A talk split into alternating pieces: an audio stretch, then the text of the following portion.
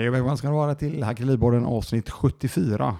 Eh, det är världsklass när jag eh, i det här fallet faktiskt ska göra ett eh, intro, vilket jag absolut inte annars gör. Däremot så är det en specialare idag så att det blir ett intro och sen när jag kört introt här alldeles nyss, ett fantastiskt intro för övrigt, så ser jag att jag- rec-knappen inte är på. Så att det är världsklass. Så är det. Med det sagt då så hälsar jag er välkomna och vi hade tidigare idag klockan sju faktiskt för, för att vara exakt, eh, måndagen här, dag, eh, dagen före dagen, en Instagram live med eh, massa intressanta frågor. Och då tänkte jag att eh, för att kunna dela mervärde ytterligare till er där ute i cyberrymden som kanske inte såg Instagram-liven så, mm, så får ni den här och nu i eh, veckans avsnitt av Hackeripodden. Så mycket nöje så hörs vi i, vid outrot. Okej då, ha det så gött. All in. Släng iväg lite frågor nu gott folk så, så river vi av det här. Tänk på det att eh, för de som kommer in här nu så sitter jag då i matchkläderna. Eh, paddelmatchkläderna. Så jag ska inte snacka paddel utan jag ska eh, eh jag vill dela med mig av mervärde eh, som jag sa. Mellan 19 nu och framåt. Så efter det så ska jag faktiskt vidare och försöka lösa, eller sagt så här, första seriematchen på Every Padel. Så att eh, vi kör på det. Sen har jag eh, lite tankar och idéer runt omkring eh, förra veckans avsnitt av Hackeripodden som handlade om trygghet och privatekonomi där vi snackar mycket rullande 12 och hur jäkla viktigt det är att ta tag i sin ekonomi och se vad faktiskt pengar tar vägen så att ni styr era pengar. Pengarna ska inte styra er. Det är väl det som jag pratar om hela tiden här i, i podden. Då. Och även på Instagram live och så vidare. Och så vidare.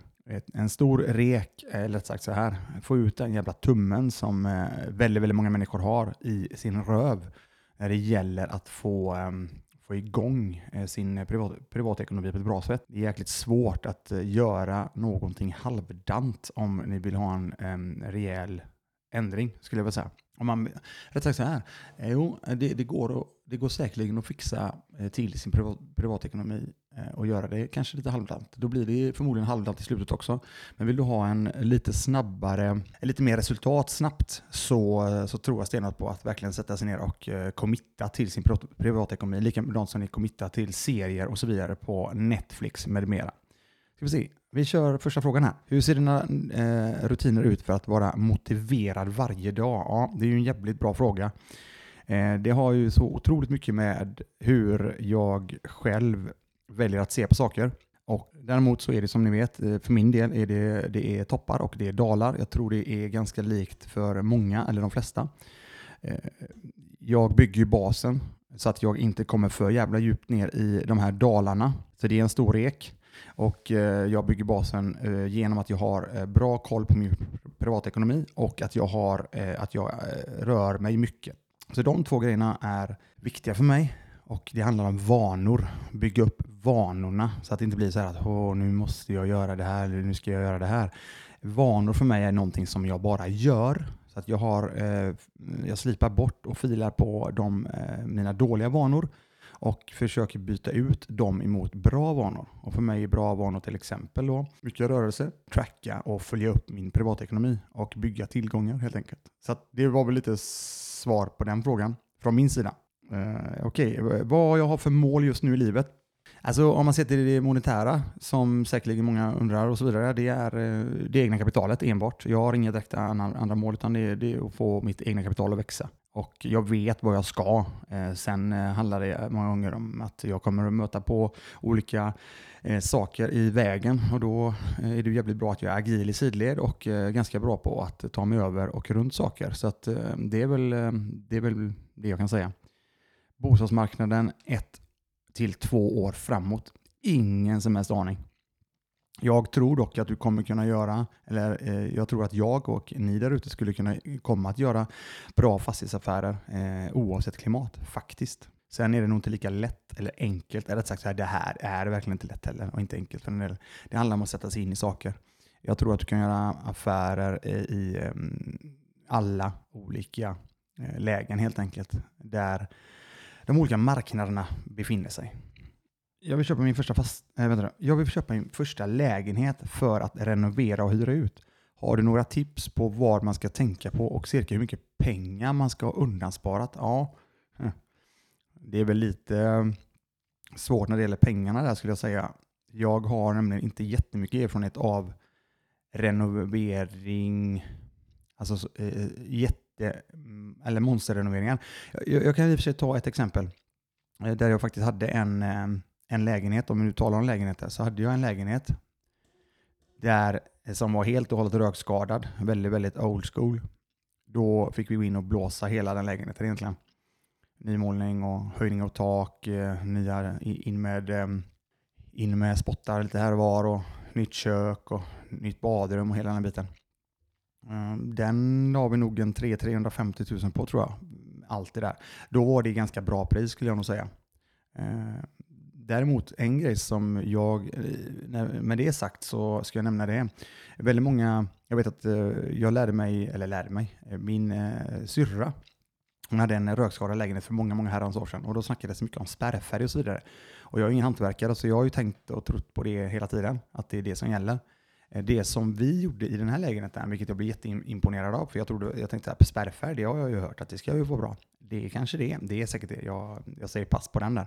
Däremot så, någonting som de gjorde, de um, gipsade på befintligt och målade två gånger. Och jag har en otroligt välutvecklad näsa när det gäller lukt. Och vi hade inga eh, utmaningar alls, inte ens tillstymmelse till röklukt efter en sån, ehm, den, den delen. Så det var en stor ek. Sen vet jag att ozon, eh, ozonmaskinen funkar också ehm, bra. Beroende på hur mycket ozon du drar på så får ni nog tänka på det bara så när ni ska in i lägenheten också. Om vi går till, eh, tillbaka till den här rullande 12 då, så folk fattar och förstår vad den rullande 12 är. Det är alltså ett, års tillba ett år tillbaka när det gäller um, ett år tillbaka när det gäller dina utgifter. Du och din familjs utgifter skulle jag vilja säga eftersom det är det som jag körde. Maria Pettersson som kom in här. Eh, ny följare som kom in här. Vad är detta för live och vem är jag? Ja, det var intressant. Ehm, jag får väl eh, hänvisa till eh, Instagramkontot då, som det är mitt eh, CV och min dagbok ska jag säga. I det här fallet så är det en Q&A där, vi, där jag svarar på frågor ifrån de här ehm, alla goda människor som är där ute i cyberrymden när det gäller allting, tror jag. Det handlar säkerligen om mycket om rörelse, träning, mycket investeringar och mycket investeringar i tillgångar och framförallt också då fastighetsinvesteringar. Det där var en kort, ett kort svar på den. Och just nu så tänkte jag skulle berätta om eh, de rullande 12, eh, just eh, ett år tillbaka av utgifter. Och har inte personer gjort det, har ni inte gjort detta innan, så, så har jag väldigt svårt att se att ni har koll på er ekonomi fullt ut. För, för då, om, när ni väl gör det så kommer ni hitta, oavsett om ni tycker att ni har koll, så tror jag verkligen att ni kommer hitta ett eller annat hål där det faktiskt rinner ut en del pengar. Och det var ju det som eh, hände mig ganska rejält, en sån riktig käftsmäll som, där jag såg att eh, väldigt, väldigt mycket saker som, eh, ja, där det var rö, röda siffror, om vi kan säga så. Och när jag väl sen hade gjort min rullande 12 och gått igenom allting så, ehm, så, är, så, så var det väldigt, väldigt viktigt för mig att se att jag måste ju hitta någon form av budget här. Jag måste ju lägga mig på en viss form av summa pengar dit olika saker ska gå. Och eh, om man tar tillbaka då det till eh, september 2014, den första september som den här resan börjar för min del, så eh, har vi utgifter på 35 000 kronor. Eh, mig och min familj. Det var det är jag, min fru och två barn. 35 000 kronor initialt i alla fall. Och när, sen började jag då eh, skära i alla de här kostnaderna. Och jag gick igenom, eh, det var pappersfakturaavgifter, det var eh, massa olika abonnemang som bara låg och skräpade som jag inte ens riktigt hade koll på. Eh, och sen så var det eh, tok mycket ät, eh, ätande av mat ute faktiskt. Också en stor post. Där började jag skära väldigt, väldigt tidigt och jag gjorde detta ihop med att min fru började Eh, skulle börja plugga faktiskt.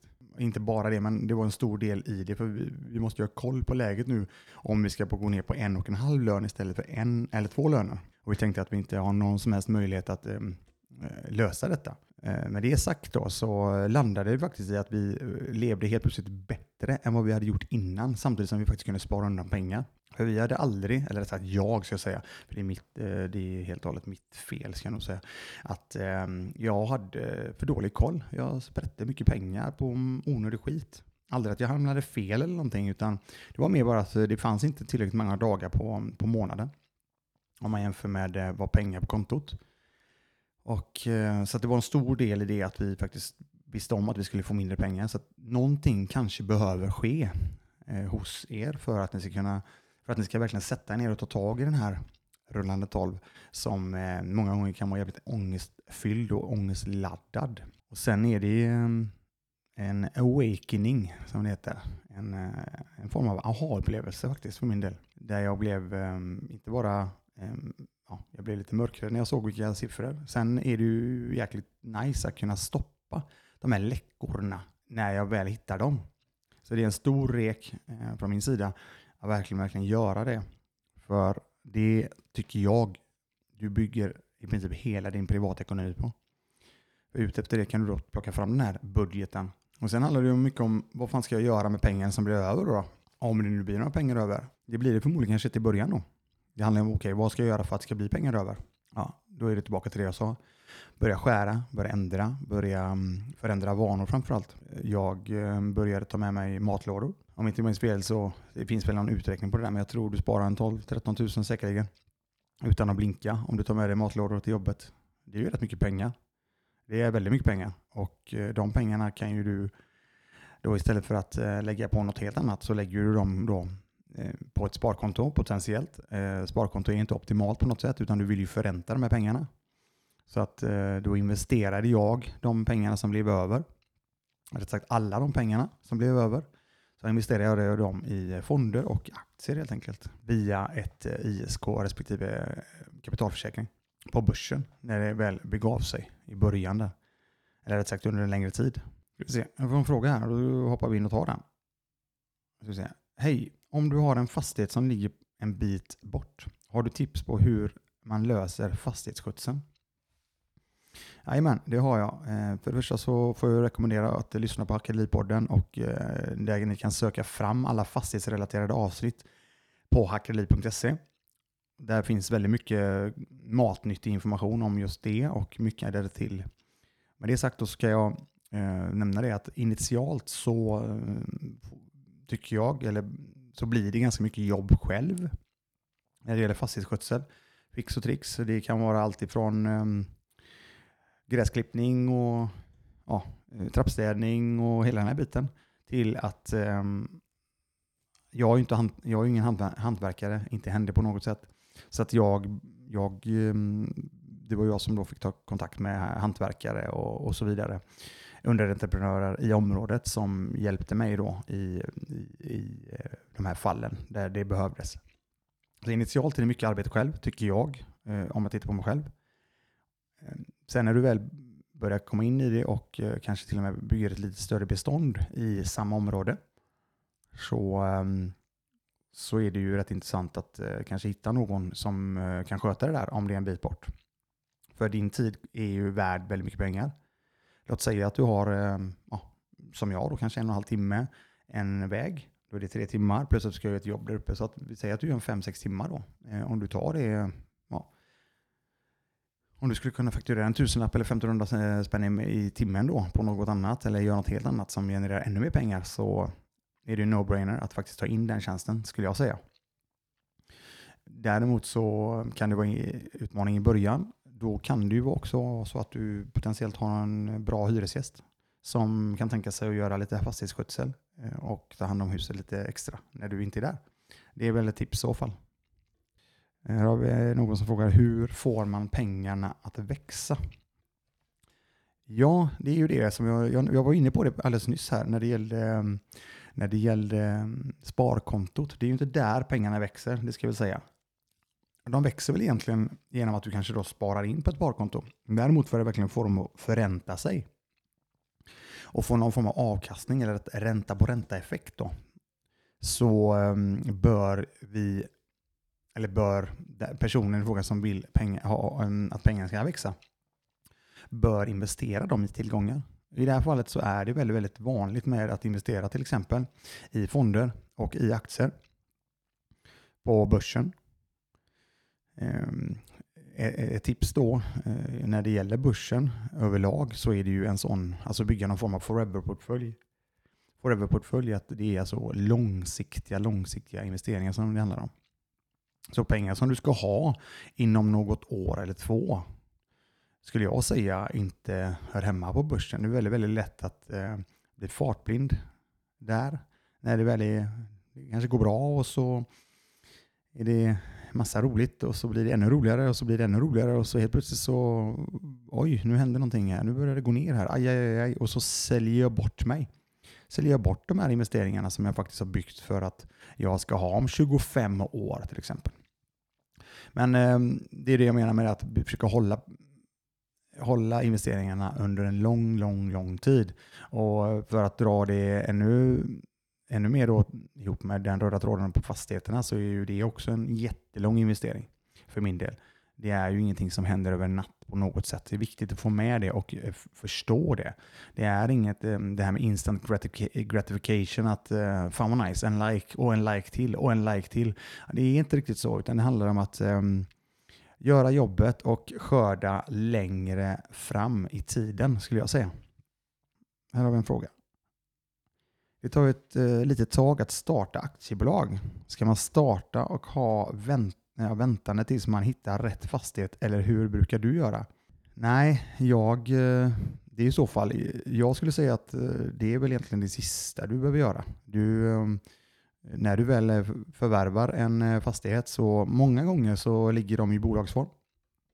Eller blir en, bolags, en bolagsförsäljning helt enkelt, där du köper ett bolag som redan har fastigheten. Eller också om du då, ditt, det, det bolag som du potentiellt ska köpa det här bolaget med.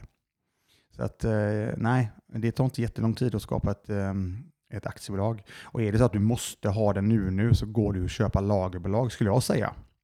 Så att det finns, det är ingenting som ska sätta hinder för att göra en business. Eh, så det är ett stort tips då att ehm, nej, se inte det som ett hinder. Likadant som att du ska välja privat eller köpa via privat eller via bolag. Se inte det heller som något hinder utan det handlar ju om att komma igång. Här har vi någonting mer.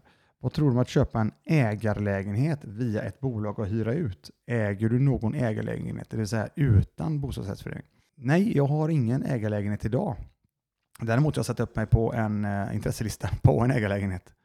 Tänk bara på det när du köper en ägarlägenhet i bolag. Det är absolut någonting som jag kan tänka mig att göra. Tänk bara på att du har eh, en högre stämpelavgift där, en lagfart rätt sagt. Så det är 4,25 4,25 procent som du behöver räkna med i den kalkylen. Det är viktigt att veta. Sen har du inte ens i närheten den avgiften på en ägarlägenhet som du annars har, utan du har en liten avgift till en samfällighet förmodligen. Eh, för de som vet, inte vet vad en ägarlägenhet är så är det ungefär som ett eh, småhus. Det är som du äger faktiskt. Eh, du äger det. Eh, äger lägenheten helt enkelt, helt och hållet. Eh, för de som inte har koll på BRF så äger du absolut inte din lägenhet själv, utan du äger en andel i föreningen. Egentligen. Så, ehm, och i ägarlägenheten har du större möjligheter att påverka eh, vad du gör med din lägenhet i det här fallet. 2009 kom ägarlägenheten i Sverige vad jag vet. Eh, det är inte jättevanligt i Sverige. Jag tror det kommer komma mer och mer. Tittar du på Norge så är det ju väldigt mycket ägarlägenheter och i Europa framförallt så är det väldigt mycket ägarlägenheter också. Här får jag. Hur gör du en lista på de rullande 12? Gör du det i Excel? Bra fråga. Kort svar, som man sa i lumpen. Johan Adam. Ja, eh, det gör jag. Excel. Jag jobbar i Google kalkylark också. Där jag spesar upp helt enkelt, eh, månad för månad. Och sen så kan ju du sätta, du kan göra hur du vill, alltså specifika grejer, eh, mat ute, eh, sätter du som i en kolumn och ja, gör summeringen helt enkelt. Summerar ihop på olika nivåer, om det är nöje, om det är bränsle. bränsle undrar liknande, bränsle förresten. Vem kör fossilt undrar jag. Eh, det var ett tag sedan nu. Fantastiskt skönt att köra elbil för de som inte har gjort det innan. Så det är en stor ek. Nej, men skämt åsido. Eh, viktigt att eh, spesa upp det så som du eh, vill se det i ett Excel-ark skulle jag säga. Och dyka in i varje siffra helt enkelt. Varje månad, inte varje siffra eh, rakt upp och ner utan varje månad sammanställer du. Har du tips på böcker att läsa för att ändra sina vanor? Har en tendens att ta på mig för mycket och mer eller mindre bränna mig på dem. är lite rädd att göra det igen nu när man är igång, nu när man är igång med mer eh, fastigheter. Ja, det där är ju, jag känner igen mig jättemycket i den frågan. Jag eh, var väldigt lik eh, just det här, eh, den här frågan eh, för många år sedan, där jag sa ja till tio saker och så levererade jag på tre. Eh, ingen bra känsla och jag är en person, jag ser mig själv som en person som eh, alltid ska leverera på det jag säger. Så att ehm, när jag började jobba med det, att jag alltid ska kunna leverera på det jag säger, så började jag säga nej till saker. Så att det tyckte jag var en bra grej för mig. Och jag landade i, eh, jag landade i att i mig själv och att jag verkligen inte vill vara en person som inte levererar. Eh, där har du, det, det är väl egentligen svar på samma svar egentligen, men det är verkligen så att det gäller att prata med sig själv på rätt sätt också. Så att det handlar om det att jag, jag intalar mig själv att jag är en person, eller sagt jag, jag berättar för mig själv hur jag vill vara och hur jag ser mig själv. Ställer mig ansvarig inför det också. Så att jag, ehm, jag jobbar med det mycket. Det är ingenting som försvinner på kort tid, utan där har, har, har det har hjälpt mig väldigt, väldigt mycket i att eh, eh till exempel eh, ja, committa på verkligen som det som jag har eh, lovat. Eh, om man nu ser till, eh, då ska jag säga så här, apropå böcker, då, det var ju faktiskt en fråga i detta också. Det är en, en stor jätterek i eh, så fall när det gäller habits, vanor att lyssna på eh, allting med James Clear skulle jag säga. Eh, hans bok Atomic Habits är en jätterek på den. Där, där, där, där finns det, där har han faktiskt gjort ett system på hur du skulle kunna bryta ner dina vanor och eh, jobba med att ta bort dåliga vanor och samtidigt applicera bra vanor över tid. Eh, små, små, små förändringar över tid blir väldigt, väldigt bra resultat. Så länge du då väljer den, den goda vanan, om ni fattar mig rätt. Annars blir det lika illa, om inte värre, om du faktiskt fortsätter med dåliga vanor under en längre tid. En liten sån rant på den, men jag hoppas det blir, ja, blir lite svar på frågan i alla fall. Jag har hittat ett gammalt hus utanför Göteborg. Kollade upp ägaren det var en 95-åring som bor i Stockholm. Går det att göra affär med avstånd eller måste man skriva under tillsammans? De gångerna jag har suttit på tillträden och kontraktsskrivningar kontraktskrivningar så har det gjorts på plats tillsammans med personer eller också fullmaktsinnehavare att skriva på. Och eh, fortfarande vad jag vet så skrivs det på manuellt. Inte digitalt signering på så mycket för min del än så länge när det gäller eh, alla papperna eh, vid en transaktion. Det är väl mina, tankar, eller mina erfarenheter i alla fall. Eh, ska vi se, här har vi en fråga. Jag får många frågor ser jag nu. Några tips inför mötet med banken. Ska jag kika på en fastighet? Okej, okay, förlåt mig. Ska jag kika på en fastighet och fundera på att köpa den i så fall via mitt befintliga AB som ej haft verksamhet de senaste två åren. Rekommenderar du privat eller via AB? Ja, det var just det som jag nämnde förut. Det här är en jättevanlig fråga. Men eh, återigen, är det så att det redan finns ett AB som ligger, då kanske det kan vara så att det finns en del saker i det bolaget som du skulle kunna använda dig av. Eh, ingen aning. Eh, däremot så har du ett befintligt eh, AB. Då finns det möjlighet såklart att eh, förvärva en fastighet som då redan kanske ligger i ett bolag. Då köper ditt befintliga bolag det nya bolaget som äger fastigheten. Då till exempel slipper du ju eh, de här 4,25 procenten i stämpelavgift och så vidare. Eh, om inte annat så finns det låneutrymme privat. Då får du låna mer pengar eh, privat. Om det är så att du har det där eh, ett bra lånetak då på den privatsidan. Sen får du många gånger också lägre ränta och så vidare. Så finns det möjlighet att köpa privat, ja, why not liksom. Däremot så, jag har ju allting i AB. För, för de som eh, inte vet det sedan innan. Eh, Okej, okay, här säger, eh, fick vi svar på den frågan. Eh, boken, James Clears bok eh, Atomic Habits finns på svenska och den heter 1%-metoden. Okej, okay, tack för det. Eh, ja, det här är en poddinspelning. Det här blir, ehm, jag kör lite eh, intro och jag kommer köra ett outro och så kommer jag använda ehm, en hel del av det här som jag snackar om nu. Okej, okay, den ligger ej i AB angående fastigheten vi snackade om precis där med privat eller bolag. Då. Nej, men återigen, ehm, det handlar väldigt mycket om där du befinner dig. Finns det ett låneutrymme, som jag sa, privat så är det ju eh, såklart intressant att kunna göra det privat med lägre ränta och högre belåning som en, eh, finns det möjligheten? Ja. Finns det inte möjligheten så är det ju bara att köra AB.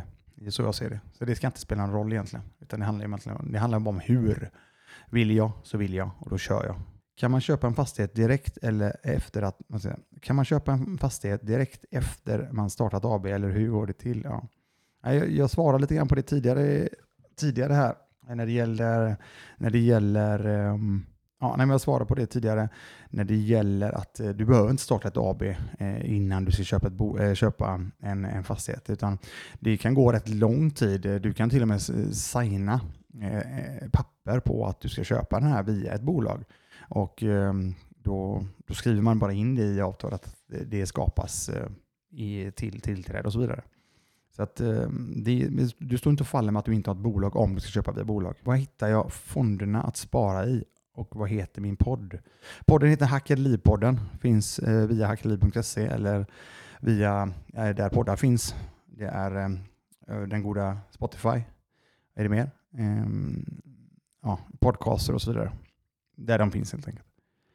Fonderna, eh, rekommendationen är att läsa på på eh, de goda, eh, det goda, eh, i goda cyberrymden. Och det finns ju då, eh, jag tycker det finns två aktörer i Sverige som jobbar med ehm, handel av aktier och så vidare, nätmäklare.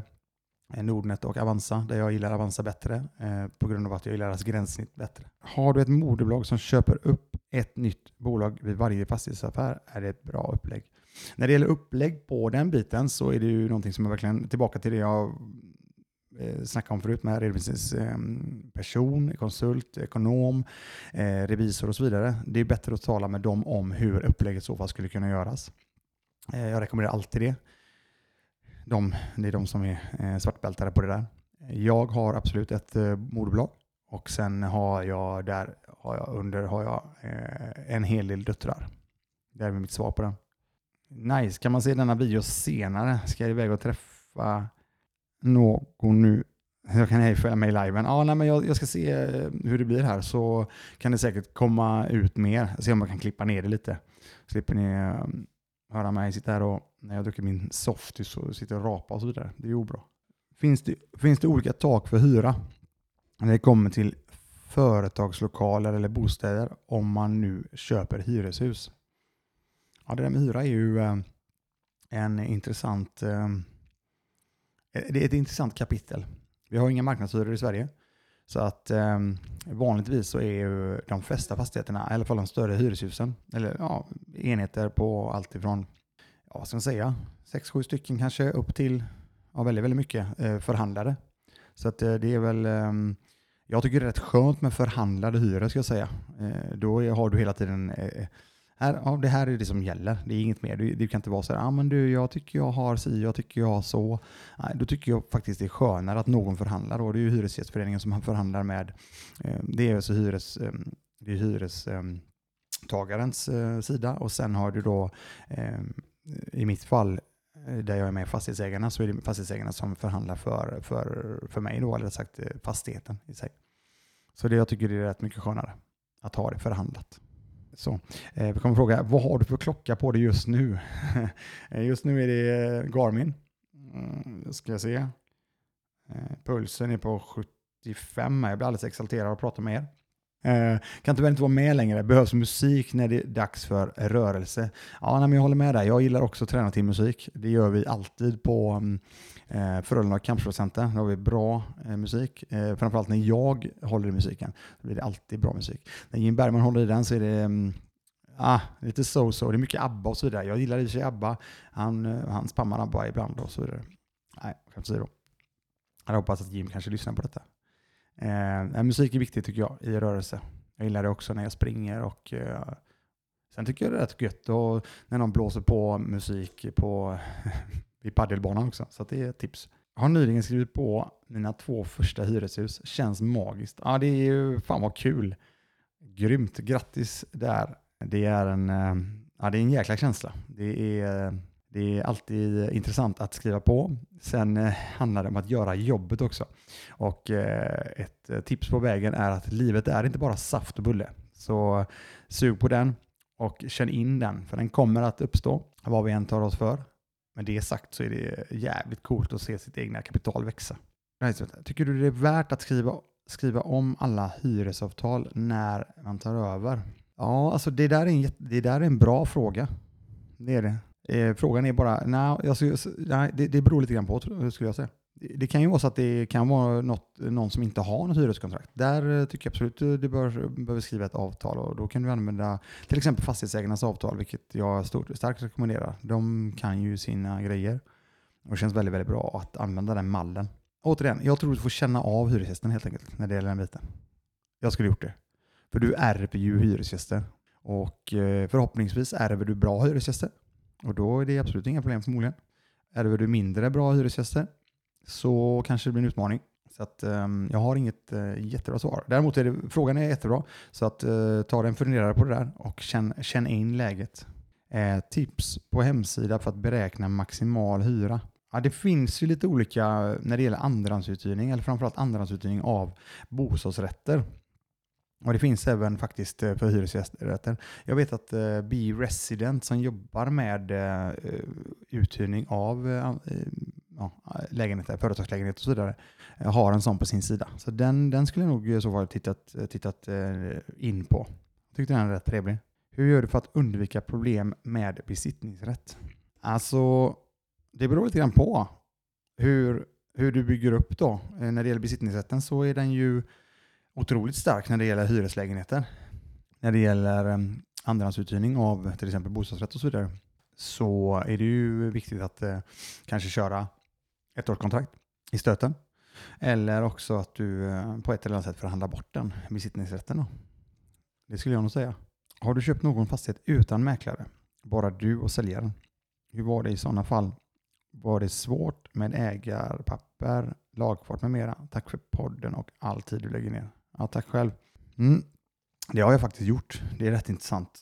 Eh, men den personen jag köpte fastigheten av var mäklare. Så att det blir lite... så att eh, jag ska väl säga så här. Eh, har jag gjort det? Nej, men grejen är så här. Jag ska vara lite ärlig. Det har jag faktiskt inte hela vägen ut. Jag har gjort någon form av semivariant där. Många gånger så har det varit så att vi har eh, gjort upp en affär, gjort upp en affär eh, utan att den ligger på marknaden. Och sen när det väl ska skrivas alla papper och så vidare så är det faktiskt mäklare eh, som står ja, som tar fram allting, som jobbar med det. Sen att inte de är med hela vägen igenom utan de är med på kontrakten och så vidare så att allting blir eh, rätt och riktigt. För det är så pass mycket saker som, eh, som behöver gå över. Tycker jag själv då. Återigen, det här är, det här är bara mina egna erfarenheter. Jag tycker det är rätt behagligt att ha med en mäklare. För min del. Jag, jag har inte tiden att lägga ner på att skapa allt de, de här grejerna själv och så vidare. Utan jag, nej, jag tycker det är rätt behagligt att ha en mäklare, eh, mäklarbolag eh, parallellt med. Vi bygger även relationer för eh, nästkommande fastighetsköp och eh, exits och så vidare. Tack för en grym podd Instagram. Tack själva. Jävligt kul. Tack för pepp. Bra svar. Ja, det är skitkul. Eh, det är det här jag brinner för. Försöka på ett eller annat sätt addera mervärde där jag kan. Eh, återigen, jag, jag fick faktiskt ett meddelande idag som var skitkul. Det var Eh, senaste avsnittet så, så snackade jag med en kille som heter Tommy. Tobbe Alfredsson, eh, en gammal eh, en, en, kille som jag har känt sedan många, många år tillbaka när det gäller inom kampsporten. Och jag var ju hos dem och höll ett seminarium ehm, i, inom kampsport och då dedikerade jag ganska mycket tid till benlås. Vi var väldigt engagerade i benlåsen. Och då var det henne som hade hört, hört av sig och hört den här hört av, hört av sig till mig idag som, som hörde Eh, inlägget med Tommy, eller poddinspelningen med Tommy. Som för övrigt är jätteuppskattat avsnitt. Så att, eh, har ni inte gjort, lyssnat på den innan så där snackar vi väldigt mycket om rullande 12 också, ta tag i sin ekonomi. Och då, då nämnde de precis det att den här personen nämnde att, jag kommer ihåg en grej som du sa Christian där, eh, och då, då hade jag tydligen sagt så här, och det här är ju faktiskt, eh, det här låter faktiskt som jag. Det här var många, många år sedan, långt innan Hackade Liv. Så redan då hade jag det, enligt mig själv när det gäller den biten. Nej, men eh, jag sa det att jag är absolut inte världsmästare på de här sakerna. Däremot så är jag här och de grejerna som jag visar, de funkar för mig. Så att eh, med det sagt så vill jag bara återigen poängtera det här viktiga att jag förklarar och berättar om saker som jag, är, eh, som jag har varit med om är med dem och saker som funkar och inte funkar för mig.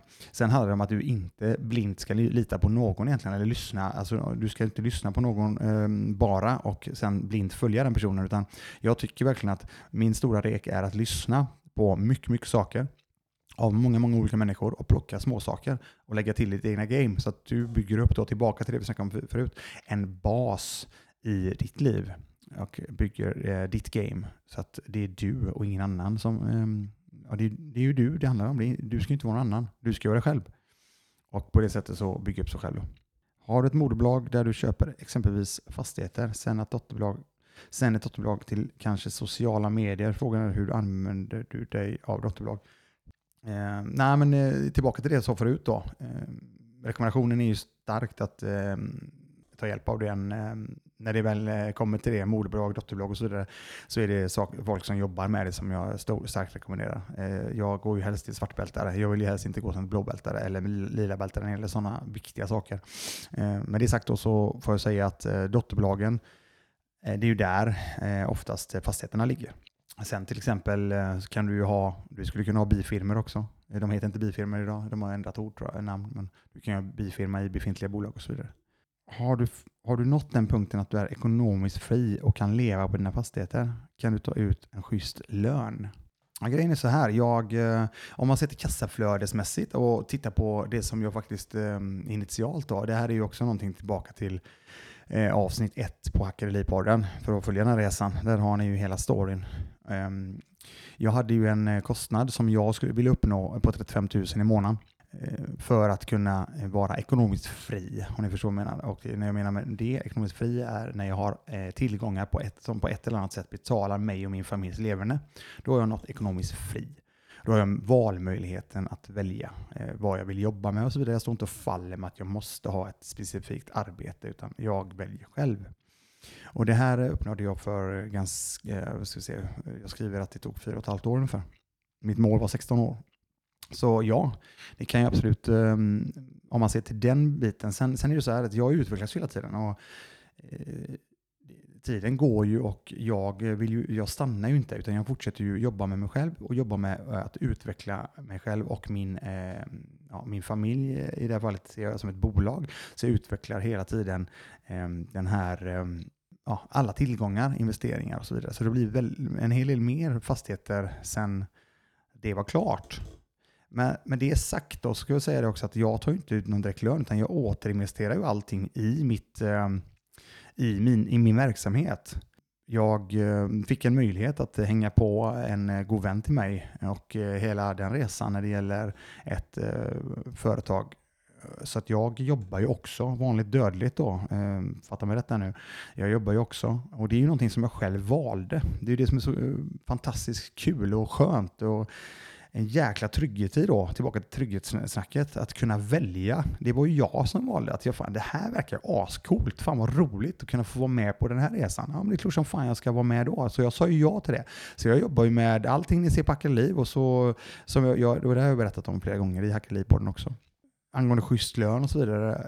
Ja, det, det är trevligt helt enkelt. Vad skulle du säga är ett rimligt startkapital för att känna sig trygg i att gå in i fastighetsbranschen? Jag, jag, tror inte det är något, um, någon rimlig start. Alltså, vad, hur långt ett snöre känns som. För grejen är att du skulle eh, kreativt kunna köpa en fastighet helt utan eget kapital. Och då kanske folk drar öronen åt sig och säger Åh, vadå, vad är det här för snack? Ja, men det finns ju alltid möjligheter att eh, ta fram kapital. Så länge du har ett varför så kommer du hitta ett hur. Sen säger jag så här, jag tycker ändå att det är rätt nice att gå in med lite eget kapital för att känna ja, lite skin in the game.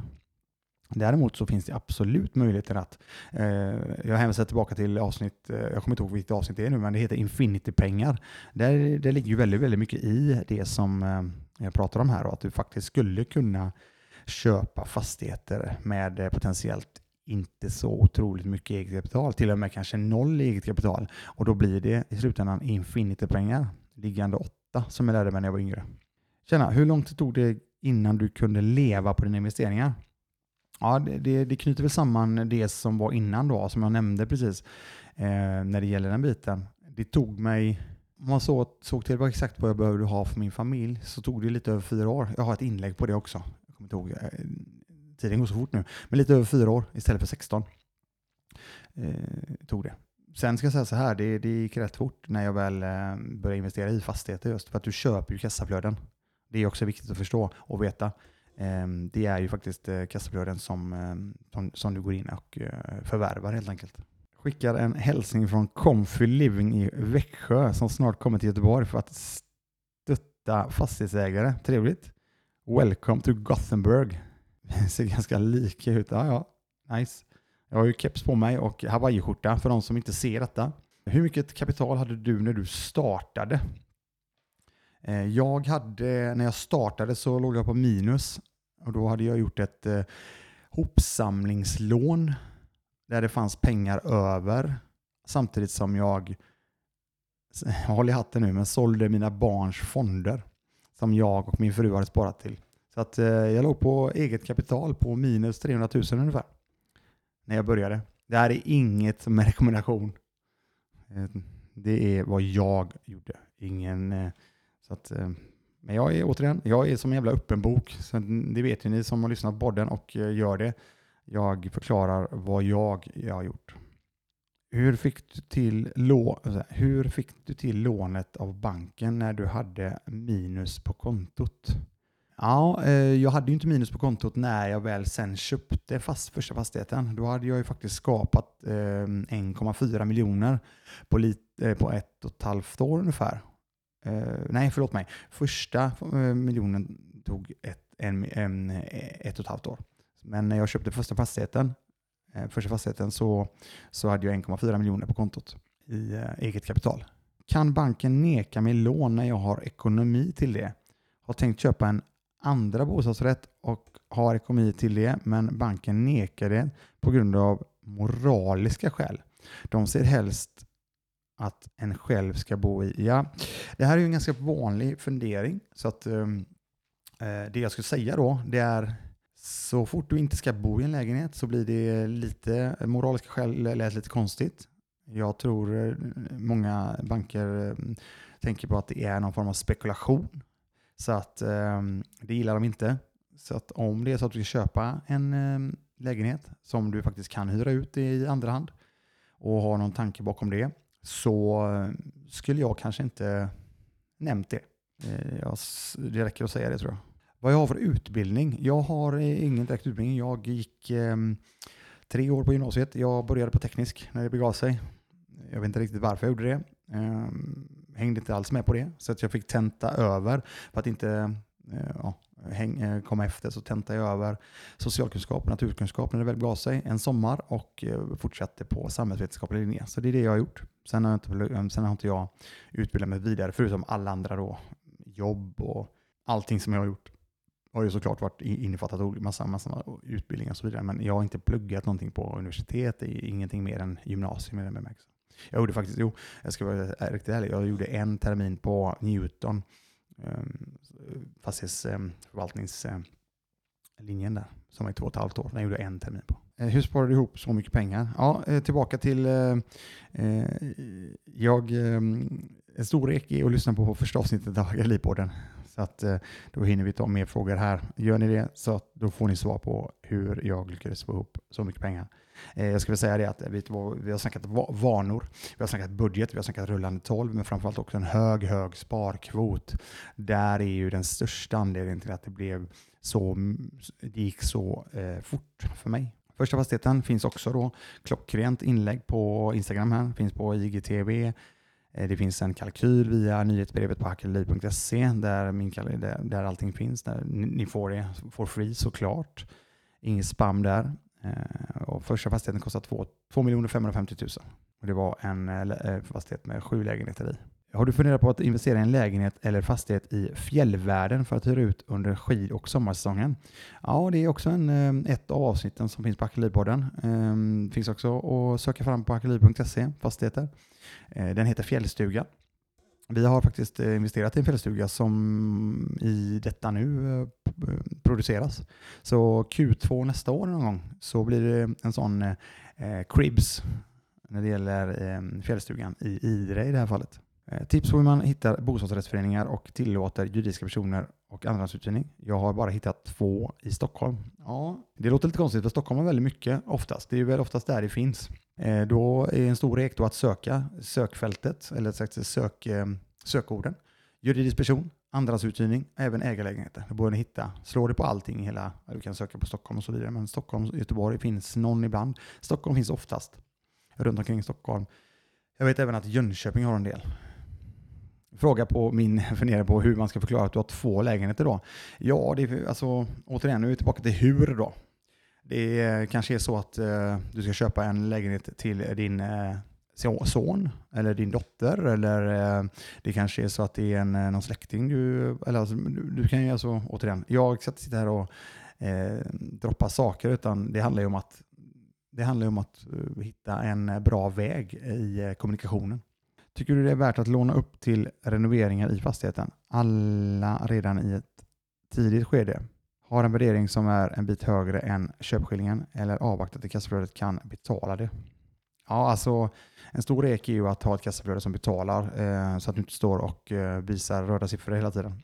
Det hade inte jag gjort. Jag hade gärna velat se ett kassaflöde innan jag ens funderar på att eh, lyfta mer pengar eh, för renoveringar och så vidare.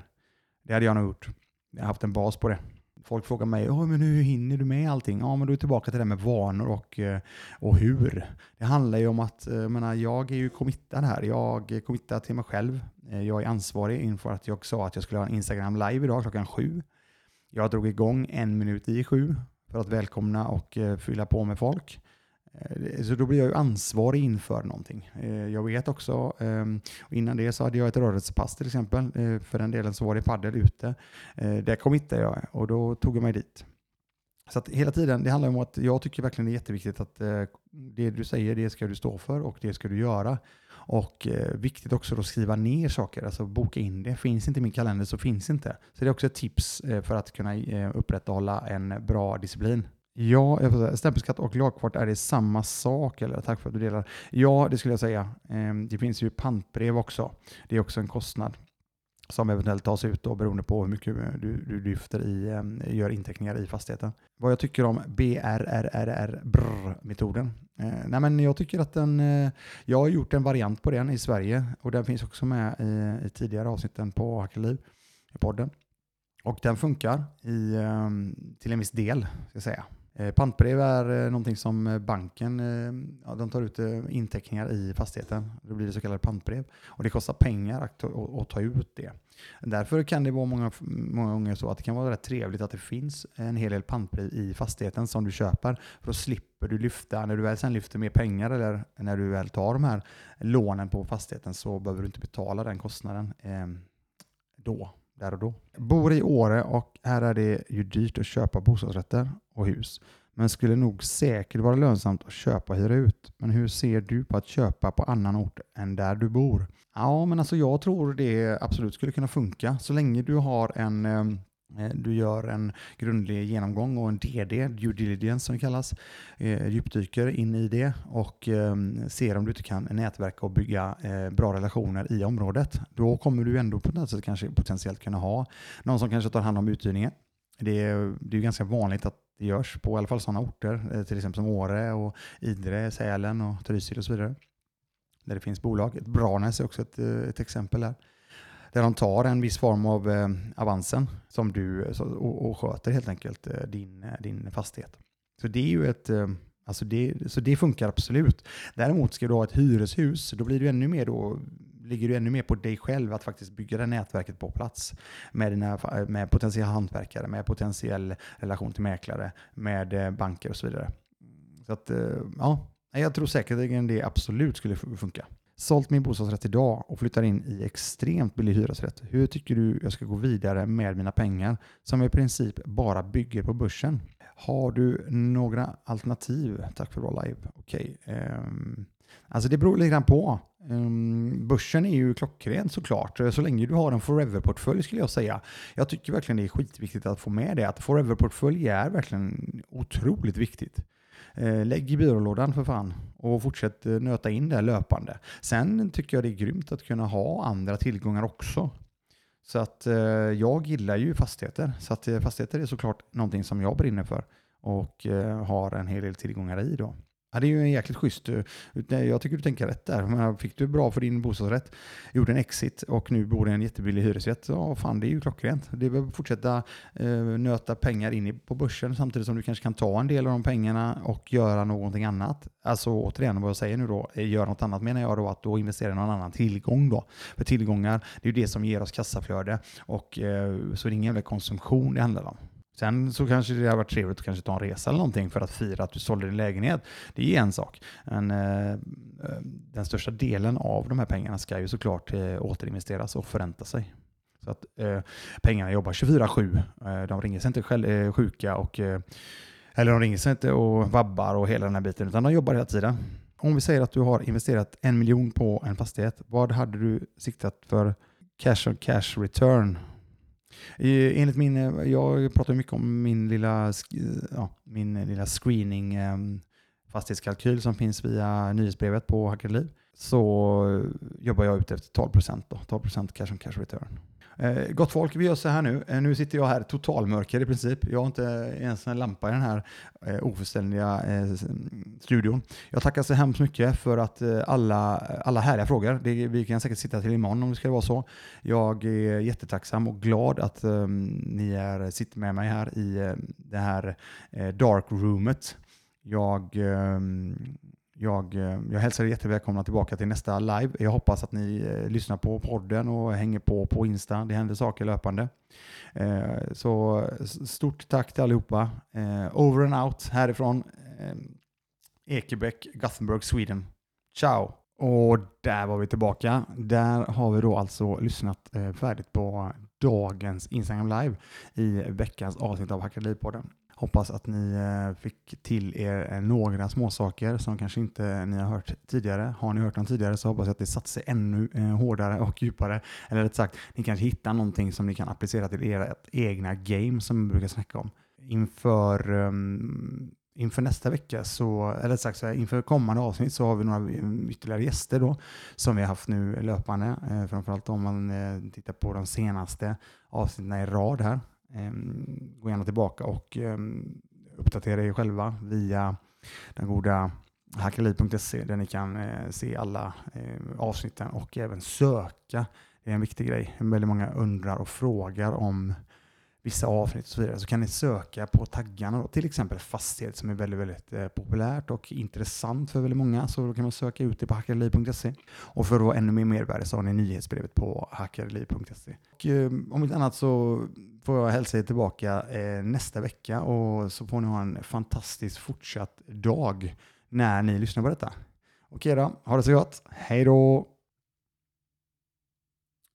Och där var vi tillbaka. Där har vi då alltså lyssnat eh, färdigt på dagens Instagram live i veckans avsnitt av Hackerlivpodden. Hoppas att ni eh, fick till er eh, några småsaker som kanske inte ni har hört tidigare. Har ni hört dem tidigare så hoppas jag att det satt sig ännu hårdare och djupare. Eller rätt sagt, ni kanske hittar någonting som ni kan applicera till era egna game som vi brukar snacka om. Så att um, inför, um, inför nästa vecka, så, eller sagt så här, inför kommande avsnitt så har vi några mm, ytterligare gäster då som vi har haft nu löpande. Eh, framförallt om man eh, tittar på de senaste avsnitten i rad här. Eh, gå gärna tillbaka och eh, uppdatera er själva via den goda hackali.se där ni kan eh, se alla eh, avsnitten och även söka. Det är en viktig grej. Väldigt många undrar och frågar om vissa avsnitt och så vidare. Så kan ni söka på taggarna, då. till exempel fastighet som är väldigt, väldigt eh, populärt och intressant för väldigt många. Så då kan man söka ut det på hackerliv.se. Och för att vara ännu mer mervärde så har ni nyhetsbrevet på hackerliv.se.